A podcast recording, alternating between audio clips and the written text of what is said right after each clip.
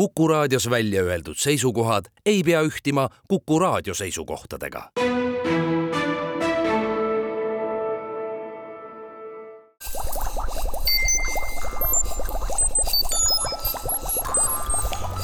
kukkuv õun head Kuku kuulajad, Kuku Õun eetris. tänane teadussaade on üsna põneval teemal. põneval selles mõttes, et äh, mõnedel selle teemaga seotud inimestel ei lähe praegu väga hästi, teistel läheb jälle natukene paremini, me nimelt räägime maasikatest. kunagi aegu tagasi, mis ei olnudki nii väga pikka aega tagasi, kahe tuhande kahekümnendal aastal alustati Põllumajandusuuringute Keskuses sellise asjaga nagu maasikaprojektiga, mille sisu ei olnud mitte midagi muud, kui et kindlaks teha, kas see maasikas, mille juurde sildil on kirjutatud Eesti maasikas, on ikka Eesti maasikas või mitte. tänaseks on äh, Põllumajandusuuringute Keskusest saanud Maaelu Teadmuskeskus aga kolm inimest, kes selle projektiga seotud on olnud, on ikka needsamad. Liina Kruus, kes on hariduselt keemik ja täna töötab selles samas Maaelu Teadmuskeskuses teravilja ja söötade labori juhina, Heidi Kollo, kes on selles keskuses äh, agronoomi haridusega kvaliteedijuht ja Katrin Idla, kes on kunagi olnud selle Põllumajandusuuringute Keskuse asejuht ja jäänud selle maasikaprojektiga seotuks ja seda peaasjalikult oma keemiahariduse ja muudegi oskuste tõttu. no tervist! tervist! hakkangi küsima, et noh, mõnes mõttes ju maasikas on maasikas, et ega ju miks üldse on vaja maasika nii-öelda päritolumaad kontrollida, et maasikas on müügil, see on maitsev. Kas äh, see põhjus, et müüja paneb sinna juurde Eesti maasik, on nagu põhjus, miks on vaja ikkagi kontrollida, kas see on Eesti oma või mitte, Heidi? tere, jah, et äh, kui äh, müüja paneb maasika ette sildi Eesti, siis seal leti peal peab ka olema Eestis kasvatatud maasikas, aga paraku on juhtunud olukordi, kus väidetavalt Eesti sildi taga on kas siis Poola, Hispaania või hoopis kellegi kolmanda riigi toodetud maasikas. Mida me täna siis teame, et noh, kas siis maasikad on geneetiliselt niivõrd erinevad või mis sellesse kiirelt kasvavasse taime siis sellest äh, kuidas ma ütlen, lühikesest kasvuperioodist siis oma asukoha kohta sisse tuleb, et me suudame seda analüüsida, Katrin? no analüüsida me suudame isotoope, stabiilseid isotoope ja mida siis seal võrreldakse, on see suhtarvusid, stabiilsete isotoopide suhtarvusid ja ei piisa ka ainult sellest, et me mõõdame siis neid Eesti maasikal, peame mõõtma ka teistes riikides ja selles projektis me konkreetselt mõõtsime Eesti maasikal, siis liikusime edasi ka peale koroonapandeemiat mis esialgu meil takistas nagu mujale minemast äh, ka Läti maasikakasvatajate juures võetud maasikaid ja Leedu.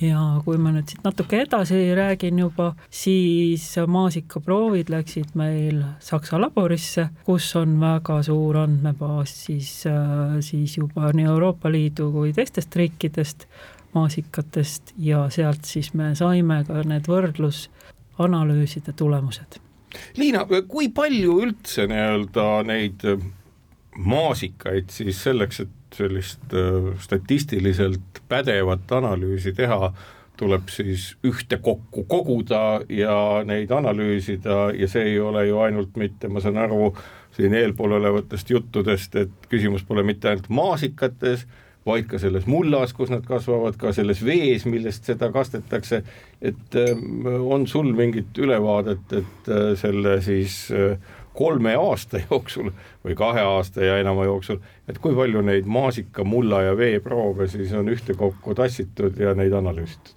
jah, tere ka minu poolt, et neid äh, maasikaproove nüüd äh, kokku tassitud on iga aasta igalt põllult kolm proovi ja kolme aasta jooksul on saanud seda päris mitu sügavkülmiku kapitäit siis kokku tassitud, mis meil alles olid. aga, aga tegelikult need vesi ja, ja muld, et me esialgu küll analüüsisime seda, aga tegelikult nad annavad kõik oma selle isotoopilise info edasi maasikataimele. et äh, me esimene aasta tegime väiksed võrdlused nii vee kui, kui mulla kui maasikate koha pealt, aga konsulteerides siis meie laboripartneriga leidsime, et seda vett ja mulda pole edaspidi nagu väga põhjust määrata, et me ei lähe nagu nii spetsiifiliseks, et meil ei ole vaja teha siin siseriiklikku eristust nende talude vahel, vaid me soovime ikkagi riigi äh, plaanis seda erinevust näha ja seega siis äh, jäime ainult maasikate juurde. aga neid maasikaid on saanud korjata küll, jah. ma just mõtlen, et äh, kui palju näiteks, kuna siin oli juttu ka, et olete käinud Lätis neid korjamas ja võib-olla mujalgi et kui palju siis äh, see maa, mis Lätis on, erineb siis sellest maast, mis Eestis on, on seal mingi piir vahel või pigem on see piir ikkagi sellega, et aru saada, et ja, ja et et see nüüd on küll Kreekast ja see on Hispaaniast, aga see on kusagilt siit Eesti ja Läti piiri pealt või on ka Läti ja Eesti vahel mingi väga selge nii-öelda piir olemas analüüside mõttes, mis on Eesti maasikas ja mis Läti maasikas? Äh, seda piiri ei ole, sest ega isotoobid seda riigipiiri meil ei tunnista nii, nii kergesti. aga kolmanda aasta lõpuks sai äh, selgeks äh, koostöös siis oma Saksamaa partneritega, et kui meil on vajadus teha vahet Eesti ja siis lähinaabrite, näiteks Läti maasika vahel, et siis me peame abiks võtma ka elementide analüüsid et on niisugune umbes üksteist elementi, mis seal siis oli välja toodud, et kui võrrelda nii isotoope kui elemente, teha nendega siis see statistiline peakomponentide analüüs, et siis on võimalik tegelikult tuvastada ka Läti ja Eesti maasikate erinevusi. sellepärast, et mullad on ju lõppkokkuvõttes Eestis ja Lätis vist erinevad jah, eks piiriäärsed on alati sellised. no aga... ei saa öelda, kas on Valga või Valka maasikas seda ma täitsa usun, aga et kui on Läti keskmaalt ja Eesti keskmaalt, siis need mullad on erinevad. ja, ja eks natukene seda isotoopide kooslust ja erinevust äh, mõjutab ka mullaharimiskultuur, kasutatavad väetised, äh, agrotehnoloogia, et see kõik äh, natukene iga riigi isotoop, isotoopidele annab siis midagi juurde või võtab ära. Heidi, sellest, et noh, maasika päritolumaad peaks kindlaks tegema, sellest on juttu olnud ju äh, väga pikka aega, ma ei oska nüüd öelda, kas kümme aastat tagasi või kusagil ju hakkasid needsamad Eesti maasikakasvatajad avalikult ka kurtma ja kirjeldama, et nad on väga ebaõiges olukorras, et kui nemad kirjutavad Eesti maasikas, siis keegi tuleb juba varem arbuusi suuruse maastikaga ja kirjutab et meil on ka Eesti maasikas. ja arusaadavalt, et kui see kasvab kuskil lõuna pool, et eh, siis see on ju oluliselt väiksemate kuludega kasvatatud. nüüd mille tõttu see siis nii pikalt veninud on, et alles siis kolm aastat tagasi see uuesti ette võeti? eks see ole veninud eh, võib-olla ka sellise eh, rahastuse taga, et eh, et me kolm aastat tagasi saime Maaeluministeeriumi poolt rahastuse just maasikate päritolumaa uurimise jaoks, et et eh, tootjad on tegelikult väga huvitatud eh, ka teiste varaste põllukultuuride nagu hernes, eh, ka must, kultuur mustikas ja nende päritolumaa kindlaks tegemisele.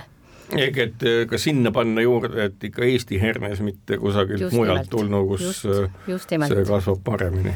jah, ja odavamalt kui suur see maasikaga, ma mõtlen just seda, et oskab keegi äkki öelda, et äh, kuulajatel ka huvitav, et kui suur see maasikaäri Eestis üldse on, et kui paljudel hektaritel, kui palju tonne siis aastas nii-öelda seda maasikat Eestisse tuleb või see on täiesti teadmata? seda on väga raske öelda, et meil neid andmeid küll ei ole praegu niimoodi võtta, aga kindlasti saab seda kuskilt vaadata kui paljud nii-öelda inimesed, kelle põldudel te olete käinud juba mitmendat aastat järjest neid maasika marju kogumas, ei, kas ta on marju, ei ole? Kogu vili ma, ma, ma, on kogu vili jah, jah, seal on, seal on seemned, eks ole, see on nagu selles mõttes nagu käbigi, eks ole. ja, ja marjaks nimetada on seda ekslik, väga hea, et ma sain sõnasabast kinni. ei, ole ei olegi maasikmari. ei olegi maasikmari, on maasik vili. kogu vili. vot, vot, nii palju tarkust ka juurde, aga et kui paljud nii-öelda äh, need kasvatajad ise on huvi tundnud siis selle projekti käekäigu pärast, et millal nad saavad siis julgelt kirjutada, kirjutada oma maasikale juurde, et Eesti maasikas ja nad teavad, et kui keegi teine püüab sama teha, et siis ta võib väga lihtsalt vahele jääda. seda on praktiliselt meilt ju iga kord, kui me käime, siis on meilt ju kogu aeg seda küsitud, nii et maasikakasvatajate poolt on see huvi väga suur ja eks nemad tunnetavad seda kõige rohkem, seda turu olukorda ja ka seda, et kui just vara minna maasikaga turule, siis need hinnad on ikkagi oluliselt erinevad võrreldes nüüd Poola või Kreeka maasikaga, Eesti maasikas on seal kümme, kümme pluss eurot alguses ja teiste lõunamaa poolt tulevate maasikate hinnad on seal umbes viie euro juures. nii et hinnaeru, erinevus on suur, maasikakasvatajad on ju sinna panustanud ja investeerinud väga palju raha ja, ja oma tööd ja loomulikult on nad huvitatud, et et, et sinna Poola või mujalt tulnud maasika äh, kasti ette ei tekiks silti, et see on Eesti maasikas. ütlesid kümme eurot, no küsingi nüüd nagu kõigi käest, et kümme eurot, kümme eurot oli see rahasumma, mis aastal tuhat üheksasada üheksakümmend kaks, kui toimus Eesti rahareform, põhimõtteliselt igale ühele kätte jaotati ehk sada viiskümmend Eesti krooni. Äh, see on tänaseks kümme eurot nüüd kuidas, äh, mõtlen seda nagu te-, noh keegi loomulikult sellist nii-öelda skaalat ju ei vea, eks ole, et vaadake, et kolmkümmend aastat tagasi anti igale ühele tänase kilogrammi maasika ulatuses raha, aga mõtlen seda, et kuidas siis täna nagu tarbija Eestis, kui inflatsioon on üsna meeletu, samas ju arusaam majandusest, et et kõik on kõigega seotud ja kui Eesti tootjat toetada, siis Eesti tootjal läheb hästi, töökohad säilivad ja nii edasi. kui palju tänasel hetkel nii-öelda neid Eesti maasikaid siis vaatamata kõrgele hinnale ikkagi valitakse? Ja tahetakse ka tarbija poolt kindlad olla, et jah, Eesti on kirjutatud, see vastab ka tõele, et see ongi Eesti oma ja selle tõttu ma ostan. Et kui tundlik tarbija on hinna suhtes näiteks maasikaid või muid varaseid asju ostes, mis põllult pärit no sellele on väga raske vastata, eks tarbijaid on väga erinevaid, aga olen aru saanud, et Eesti maasikatel on väga kindel oma tarbijaskond ja loomulikult siis sealt edasi on sellel Eesti maasika ostjal, kes maksab rohkem selle kilogrammi eest, selle eest, et, et see on Eestis kasvatatud, seda enam siis on oluline olla selles ka veendunud. ja seda en-, enam on oluline ka see võimalus kahtluse korral kinnitada seda, et kas tegemist on Eesti muusikaga või mitte.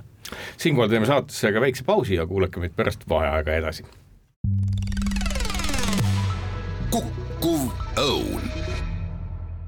head kuulajad, Kukkuv õun jätkub tänaseks teemaks on maasikad, Eesti maasikad, maasikate päritolu ja meil on ähm, külas kolm maasika päritolumaa kaitseinglit, Liina Kruumus, Heidi Kollo ja Katrin Iidla, kes on selle nii-öelda maasika teema kindlaks tegemisega, et asi oleks ikka Eesti maasikas, tegelenud oh, üsna mitmeid aastaid ja täna arutamegi seda, kui ulatuslik, tähenduslik ja keeruline see töö on olnud. ma ei tea, kes vastab, aga iseenesest püüaks siis aru saada, et kui maasikas põllult kinni püütakse ja teda analüüsima hakatakse, et mida seal ühtekokku siis äh, analüüsitakse, et aru saada, kui palju on vaja maagi-, maasikast välja pigistada, küll mitte mahla, aga kõikvõimalikku informatsiooni, et oleks siis võimalik öelda, et jah, kui me paneme selle nüüd suurde pilti ja võrdleme seda kõikide muude asjadega, siis no ma ei oska öelda, mitte kümne ruutkilomeetriga, vist saja ruutkilomeetri täpsusega see maasikas just sealtpoolt pärit ongi, Liina et äh, jah, sellest maasikast tegelikult sa ütlesid väga õigesti, et pigistatakse ka see mahl välja. et äh, need maasikad siis kõigepealt püreestatakse. ikkagi pigistatakse mahl välja, ja, ja. mahl välja. just. et äh, püreestatakse, seejärel külmkuivatatakse, et saada sealt kätte siis kogu see koevedelik ja siis äh, seejärel ülejäägist veel äh, loputatakse välja kõik seemned maasikaseemned, mis siis äh, tegelikult ongi see osa, millest teostatakse analüüsi. et äh, seemnetest ma... mille tõttu, et seal on olemas geneetiline materjal või mis see põhjus on?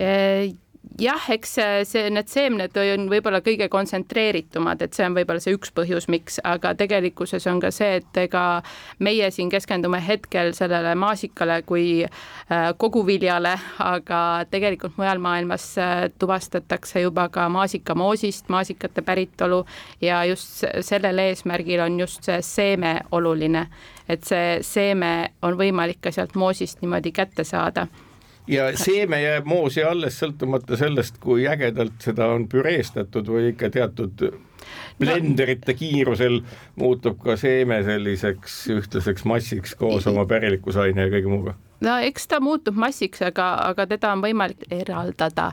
aga et sellest seemnest ekstraheeritakse veel omakorda välja kõik suhkrut ja kõik äh, rasvad et järgi jääb ainult niisugune puhas bioloogiline materjal, millest siis äh, määratakse seda isotoopide äh, vahekorda, sest et äh, need suhkrute ja rasvade sees olevad süsinikud ja, ja vesinikud, need siis nagu peaks arusaamisele jõuda ka selles nii-öelda maasikakriminalistika, kui seda nii võib nimetada, siis töömahus, et kui me võtame ühe proovi kaua sellega siis aega läheb, palju neid protseduure on, kui oskad nii-öelda peast öelda, et eh, kui palju siis seda maasikat pigistada tuleb ja millega kõike analüüsida, et siis lõpuks meil oleks kindel, et vaat need andmed, mis on, on autentsed, võrreldavad teiste maasikate omadega ja kui need andmed on olemas, siis me saamegi seda kõike täpsustada.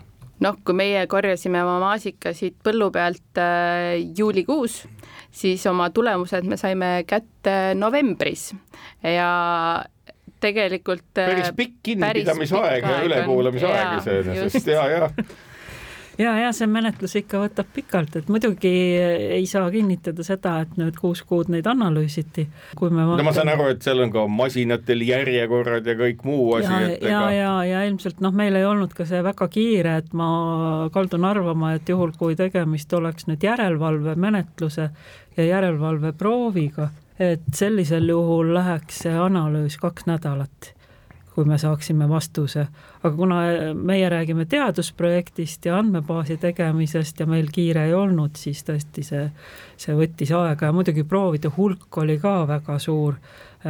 me iga aasta ju saatsime sinna ikkagi seal viis-kuuskümmend proovi, et nende kõigi läbivaatamine, analüüsimine, muu töö kõrvalt võtab kindlasti aega. Heidi, kas täna võib öelda, et nii-öelda see andmebaas on täiesti piisav selleks, et äh, kui tuleb kurtev maasikakasvataja, kes turul näeb, et äh, need nii-öelda peaaegu arbuusi suurused maasikad, mis Eesti omadeks väidetud, kohe kindlasti seda pigem ei ole ja tuleb ja ütleb, et mul on nagu selline probleem, et ma siin kolleegi või konkurendi käest ostsin selle maasika ja see on nüüd siin, minu maasikas on siin ja mul on kahtlus, et see teine maasikas ikka päris Eesti oma ei ole. mis protseduur siis käivitub või kui täpselt nii-öelda see kvaliteedikontroll võiks siis välja näha? jah, tänasel päeval me võime juba küll öelda, et äh, on äh, võimalik äh, olemasoleva andmebaasi põhjal analüüsides väita, et kas on Eesti maasikas või ei ole et see protseduur näeb välja niimoodi, et eh, tuleb pöörduda Järelevalveameti poole, kelleks siis tänasel päeval on Eestis eh, Põllumajandus- ja Toiduamet, kes siis eh, võtab ametlikud kontrollproovid ja saadab need siis meie partnerlaborisse Saksamaal. kes selle eest maksab? selle eest, kui on järelevalveproov, siis selle eest maksab riik ehk et nii-öelda täna on maasikakasvataja Eestis vähemalt sel moel riigi rahadega kaitstud et ja. kui ta, kui ta tunneb, et äh, temast on üle sõidetud alatul moel, saab ta ennast kaitsta. just nimelt. ja just siis nimelt. lähebki see kaks kaks, äh, kaks jah, nädal kuni kaks, et aega, aga mis pärast saab, et kui selgubki, et nii-öelda inimene, kes on müünud Eesti maasikate nime all maasikaid, kas see on siis nagu määramata, mis edasi saab või oskab keegi öelda? see on vist juba see on juba õiguse valdaminev see küsimus. see on juba õiguse valdaminev küsimus, et äh, see on natuke teisele ametkonnale ka küsimus, et meid tihtipeale ka seal põllu peal on sassi aetud nagu Põllumajandus-Toiduametiga. ehk et kuulajatele siinkohal siis öelda, et ähm, antud projekt viidi läbi nüüd uurimiskeskkonnas, see oli teadusprojekt, meil on olemas andmebaas kus saab siis laboratoorseid analüüse teha. järelevalvet teostab aga Eesti riigis Põllumajandus-Toidu Amet. keegi teile koeri kallale ei ässitanud põllu peal kartuses, et midagi mõõdetakse või tulnud püssiga ja ei. palunud maa pealt lahkuda? oi ei, vastupidi, ma kinnitan, et Eesti maasikakasvatajad on haruldaselt toredad inimesed. meid võeti alati väga-väga rõõmuga vastu ja, ja alati oleme valmis sinna minema hea meelega uuesti, et. kõik tootjad on ise väga huvitatud ja. Eh, selle andmebaasi loomisest ja selle andmebaasi ka eh, tulevikus töös hoidmisest ja, ja siis me nüüd sellel aastal tegelikult alustasime ka juba andmebaasi täiendamist, et me iga aasta püüame kuskil kümnest või natukene rohkematest kohtadest üle Eesti korjata andmebaasi täiendamiseks veel lisaproove? ma ise olen muidugi no ütleme, praktiliselt olematu maasikakasvataja, aga, aga sellepärast küsingi, et et kust pärinevad maasikakasvatajate seemned, et kas need on enda äh, põldudelt siis äh, tolmeldamisel tekkinud uued seemned või kust need tulevad? Ei, eh, maasikad eh, istutatakse taimedest, mis valdavalt tuuakse sisse kas siis Hollandist, Belgiast, Saksamaalt. taim tuuakse juba sisse, keegi taim nagu tuuakse. seda märki, et võtab sealt mis see oli, koguviljast ühe seemne ja paneb selle ise kasvama, seda ei harrastata? tänapäeval enam seda ei tehta niimoodi. aga miks seda ei tehta, on sellel mingi põhjus? see on liiga pikk aeg taime kasvatamiseks. aga hollandlased ju ometi teevad seda nad eh, paljundavad ka taimi, mitte seemnest ei kasvata. ühesõnaga lõikavad taimedest tüki ja paljundavad neid. paljundavad neid. kas meil ei ole sellist tööstust veel tekkinud? Eestis praegusel hetkel ei ole, et paljundatakse tütartaimedega, aga see on eh, et tütartaimedest võtmine ei taga puhast ja haigusvaba paljundusmaterjali saamist. ehk et kui taim on juba mingisuguse tõve külge saanud, siis see kantakse edasi? siis see kantakse tütartaimede kaudu edasi. siinkohal teeme saatesse väikese pausi ja kuulake meid pärast väikest vaheaega edasi.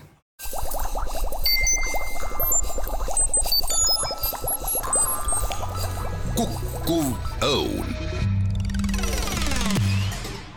head kuulajad, Kuku Õun eetris teadussaade, mina saatejuht Marek Strandberg, külas kolm inglit, kes äh, kaitsevad meie maasikakasvatajaid selle eest, et keegi kuri ei saaks näiteks kusagil lõunamaal toodetud maasikale ette kirjutada kirja Eesti maasikas, need on Liina Kruus, Katrin Idla ja Heidi Kollo, kes saates ka külas. Nüüd äh, küsingi seda, et siit ennem jooksis läbi ka mõte selle kohta, et oh, kui juba maasikat, et miks siis mitte hernest, mis asju veel võiks sellisel moel, tõenäoliselt ka kõikvõimalikke, kas ma nüüd ütlen õigesti, luuviljalisi? noh, põhimõtteliselt ju on kõike võimalik äh, päritolumaa tuvastada, et äh, kui maasikakasvatajatega oleme rääkinud, on nad soovitanud ja soovinud ka näiteks mustika puhul seda, äh, vaarika puhul kui rääkida sellest, mida teeb partnerlabor Saksamaal, siis nemad ju analüüsivad nii toiduaineid, jooke, muid kaupu, puitu, puuvilla, kõigi nende ehk toodete. põhimõtteliselt me võiks jõuda järeldusele ka kasutades teie abi ka selles, et et äh, kas ikka Vietnamis on nüüd, nagu me märganud oleme, üleöö kasvama hakanud seedrid ja männid või Saudi Araabias? absoluutselt, selle saaks küll väga kergelt kindlaks teha, et need andmebaasid on äh, agroisolaabis olemas ja sellel laboril on kogemust kakskümmend pluss aastat. nii et see andmebaasi kogumine on pikalt käinud, toiduainetest rääkides, noh, mis andmebaasid neil on, muna, liha, jookidest veini andmebaasi, vein on teadupoolest väga, väga suur, tundlik. närviline äri võib öelda. närviline ja tundlik just piirkonna suhtes ja nii edasi, ehk et jah.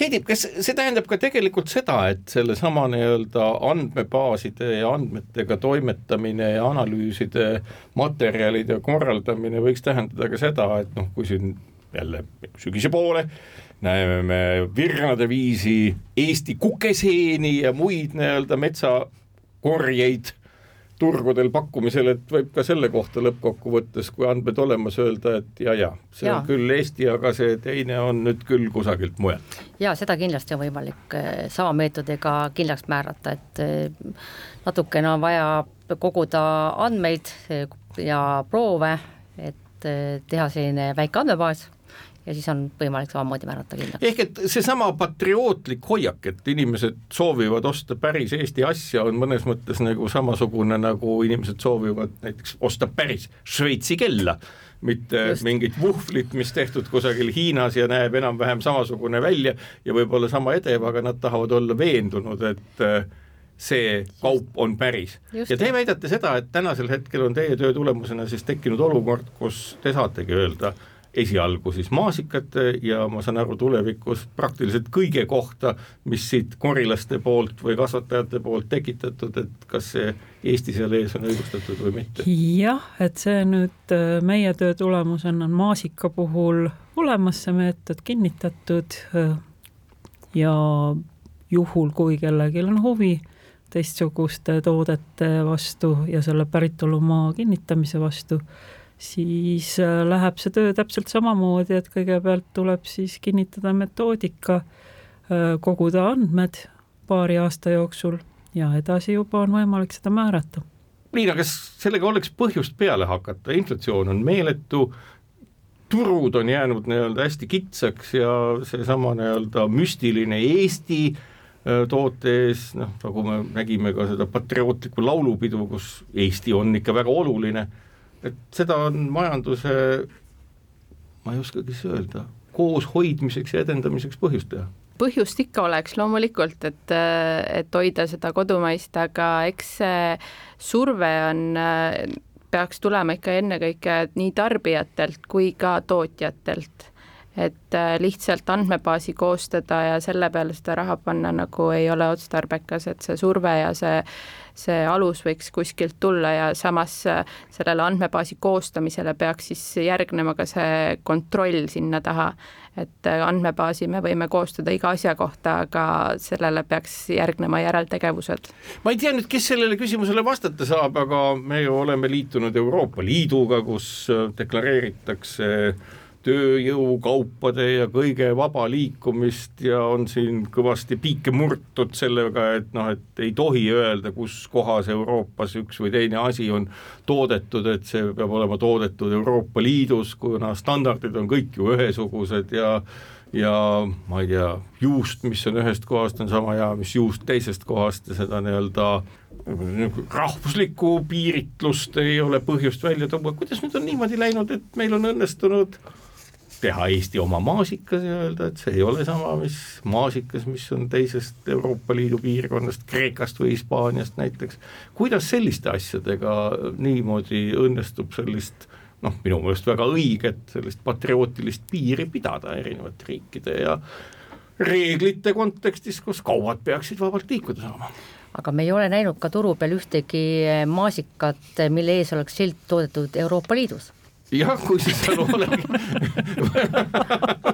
see vastab muidugi tõele, et, et, et ma, ma saan aru, et see tulenebki sellest asjast, et inimese vabatahtlik soov, see, kes on toonud nii-öelda kusagilt Kreekast maasika ja ta teab ise seda, et kui ta kirjutab sinna ette Eesti ja petab tarbijat, et, et see on nagu tegelikult see vabatahtlik samm, mille tõttu nendel maasika päritolu määramistel on ka tähendus just nimelt, et eh, kui eh, kaubamüüja kirjutaks sinna ette toodetud Euroopa Liidus. oleks kõik korras. oleks kõik korras ja, ja, ja ei oleks sellist probleemi, siis, siis juba ostja teaks, et, et kas, kas see on siis toodetud kuskil mujal või on siis toodetud Eestis, millel maasikal on Eesti. kas teie tegevuse tulemusena võib oletada seda, et väga paljudel niisugustel müügipunktides on olnud sel aastal, ma varem ei ole tähele pannud, aga sel aastal siis ikkagi ees, et jah, on kirjutatud, et see on Kreeka maasikas.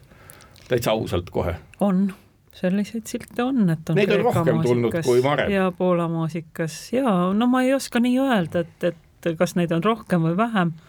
Neid on mis tähendab seda, et kas võib oletada, et äh, teie tegevuse tulemusena on jõudnud äh, kollektiivsetesse maasikamüüjate teadvusse asjaolu, et nad võivad vahele jääda? kindlasti see võib olla jõudnud ja kindlasti ka sellised saated nüüd, äh, nüüd aitavad kaasa sellele, et jõuab nendeni, kes, kelleni veel jõudnud ei ole.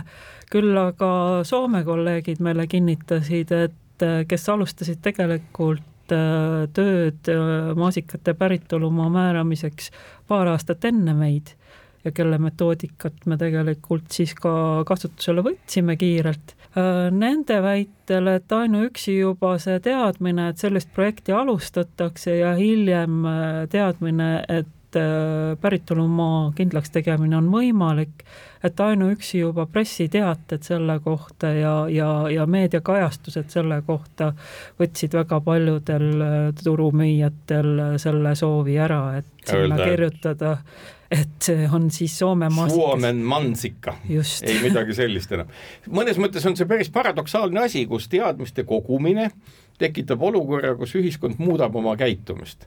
kusjuures ma kujutangi ette, et ega jällegi, et kui me ka pärast seda saadet hakkame tõesti rohkem nägema nii-öelda kirju selle kohta, kust maasikad pärit on, et siis just nagu noh, töö on luhta läinud, et noh, keegi neid analüüsi tulemusi ei kasutagi, kontrollanalüüse ei tellita ja aga samas on ju see väga hea, kui inimestel on olemas teadmine, et on olemas teadmine selle kohta, et nad võivad vahele jääda ja selle tõttu nad ei taha vahele jääda nojah, ju siis ikka turumüüja ka teeb ikka oma riskihinnangu, et kas see tasub ära või see ei tasu ära kui me nüüd üritaks ette kujutada Heidi seda, et nagu mis, mis saab juhtuda, et kui keegi müüb vale sildi all maasikaid, et kas siis see, kes on Eesti maasikatootja, kas tal tekiks, no jälle õiguslik küsimus, aga nii-öelda õigustatud põhjus nõuda talt mingit trahvi või, või mis siis juhtuda üldse saab, kui, kui turul olija valetab?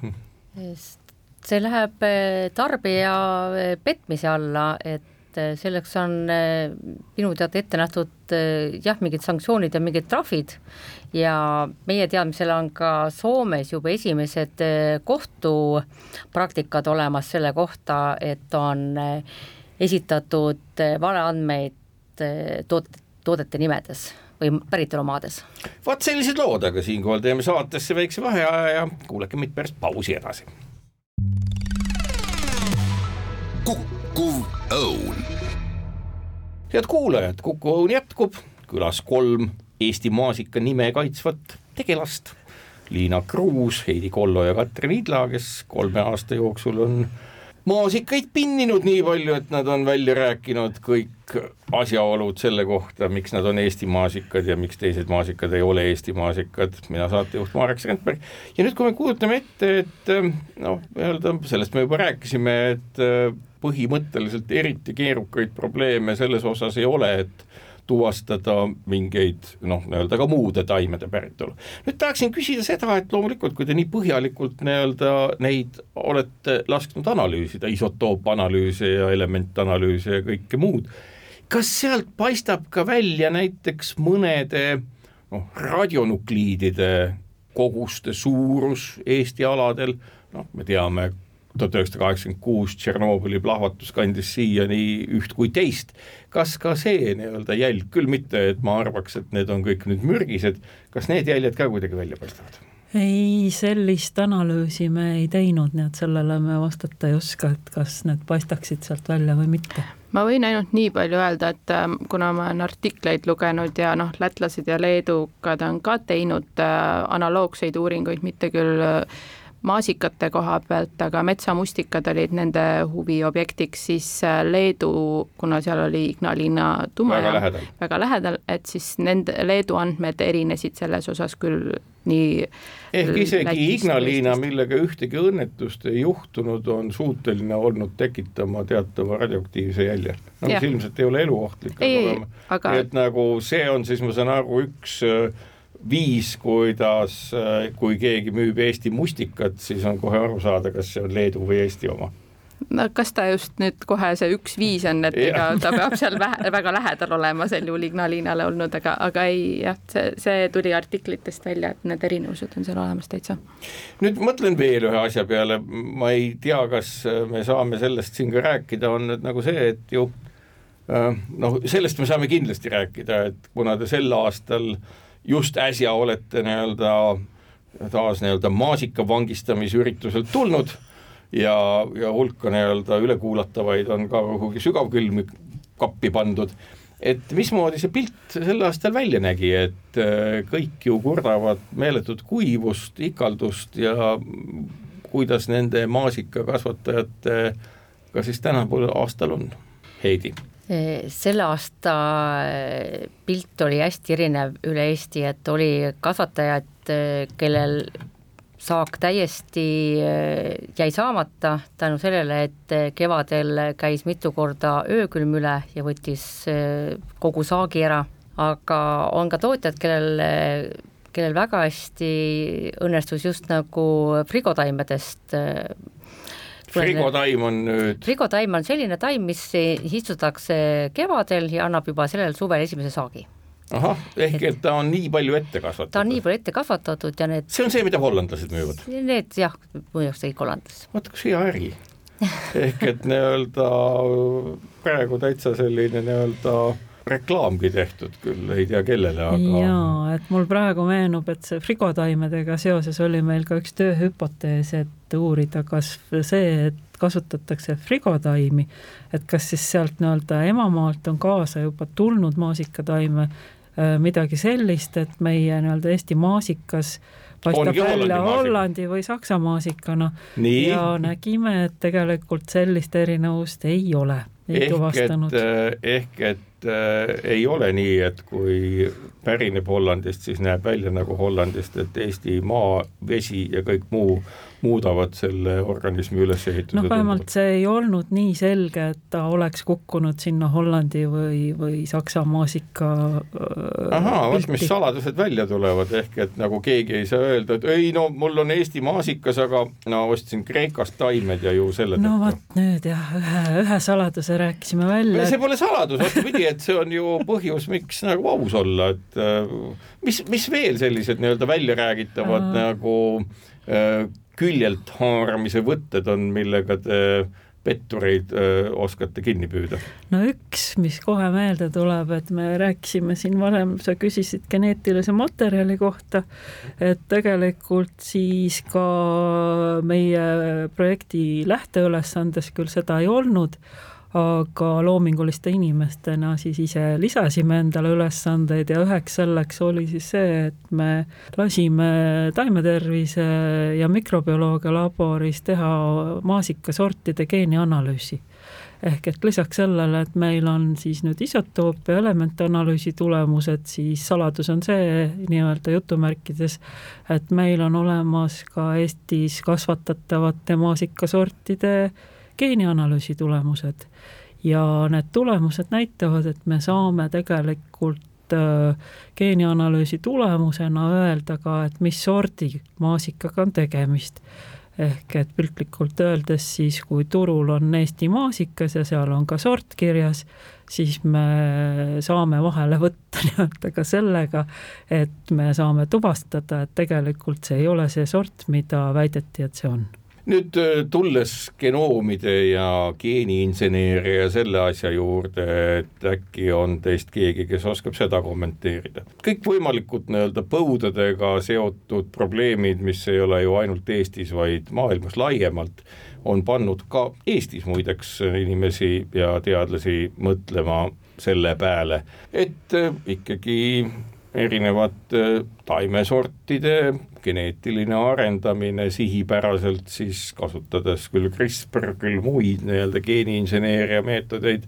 võib olla üsna põhjendatud, et suurendada saagikust, et suurendada põuakindlust, et äh, panna taimi rohkem eksisteerima juba erinevate lämmastikku siduvate mikroorganismidega ja nii edasi ja nii edasi kas äh, tänasel hetkel on nii-öelda sellist suundumust, noh, kas või maasikate või muude taimede puhul näha ka Euroopa Liidus või Eestis, sellepärast et ilmselt on see üks nagu peamisi muutusi, mis Euroopa Liidus tuleb teha, et geneetiliselt muundatud organisme tuleb hakata nii aretama kui kasutusse võtma. minu teada tänasel päeval juba käib päris tõsine arutelu ka Euroopa Liidus, et äh, lubada ka Euroopa Liidu turule geneetiliselt äh, muundatud taimi ja toitu. No seda enam, et siin oli just uudis, et sojataimele on selgeks tehtud see, kuidas kasvatada sialihas iseloomulikke valke, nii et need muutused on palju, kas, kas maasikaid on ka geneetiliselt muundatud ja kusagil mujal maailmas neid ka kasvatatakse või see on nii sooja, lembene ja kiirelt kasvav taim, et selleks puudub igasugune mõte? ei ole kuulnud küll, et nüüd ma küsin ühe asja veel lõpetuseks siin, ega meil palju aega. vahele sulle ütlen ühe asja, et, et on võimalik ka kindlaks teha, kas maasikas on kasvatatud mahedalt või mitte ahaa, nii et nagu isegi kui keegi paneb endale sildi mahe Eesti ja on Eesti, aga ei ole mahe, siis, siis tegelikult ka. kõikvõimalikud kaebused on põhjendatud ja mõned vingid on meil veel, et, sellest me ei räägi. no okei okay., ma saan aru, et äh, maasikapolitseinikel on oma saladused, mida noh, väga päris politseinikud ju oma ülekuulamisvõtteid ei reeda, aga ma saan aru, et see on üsna täiuslik nüüd üks asi veel, et äh, mida siin Euroopas, Taanis näiteks, Hollandis juba ammust aega, ka Soomes pisitasa, Eestis ei ole kuulnud veel, aina rohkem ja rohkem arutatakse selle üle, et väga paljusid taimi peaks üldse kasvatama kasvuhoonetes, suletud kasvuhoonetes, kus on soe, kus on tänu LED-idele piisavalt valgust, kas ka põhimõtteliselt võib Eestigi põllumajandust selline asi tulevikus oodata, et selleks, et maasikasaak oleks garanteeritud, pannaksegi käima kasvuhooned, ma ei tea küll, kuhu, ise olen ma arvanud, et mõnedesse mõttetult seisvatesse ja ruumi võtvatesse ostukeskustesse, kus ju eleva-, ekskalaatorid olemas, mida mööda saab kaupa üles ja alla viia, kuidas sellega on, kas meil on mingit nagu põhjust maasikat kasvuhoones kasvatama hakata?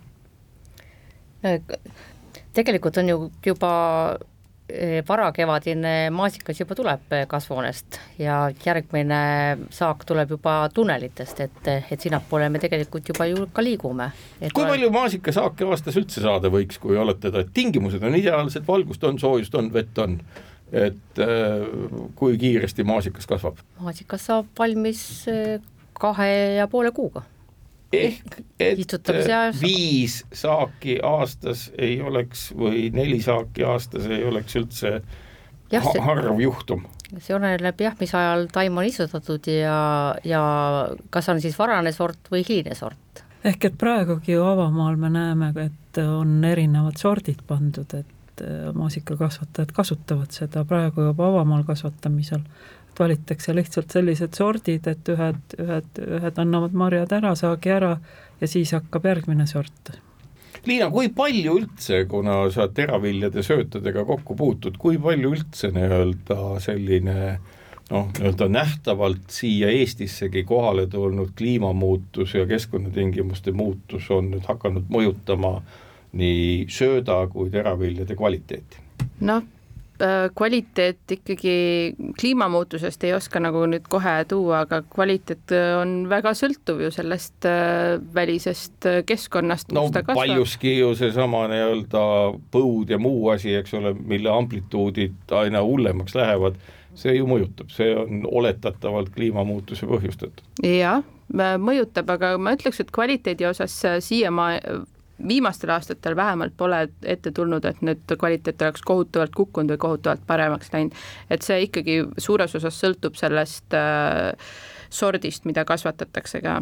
ta sõltub oluliselt sademetest, mis ajal need sademed on äh, on meil äh, siia maale jõudnud ja, ja siis ka koristusajal äh, olevast ilmast, et kui ka koristuse ajal sajab, siis on väga tihti, et on kasvama läinud äh, teravili, mis ei kõlba toiduks. nüüd lõpetuseks, kui Eesti mis iganes viljade kasvatajad ütlevad, et me tahaks ka oma Eesti asjades kindlad olla, kas nad peaksid siis lihtsalt kõvemat häält tegema? kindlasti.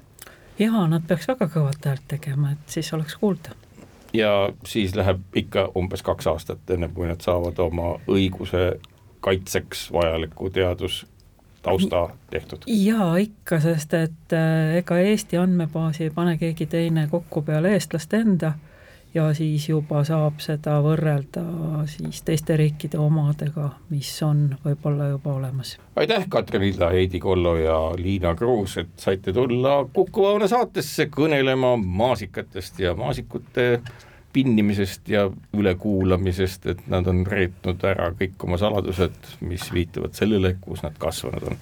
sellega on Kuku Õuna saade läbi ja kuulake meid jälle nädala pärast ja kaunist päeva teile.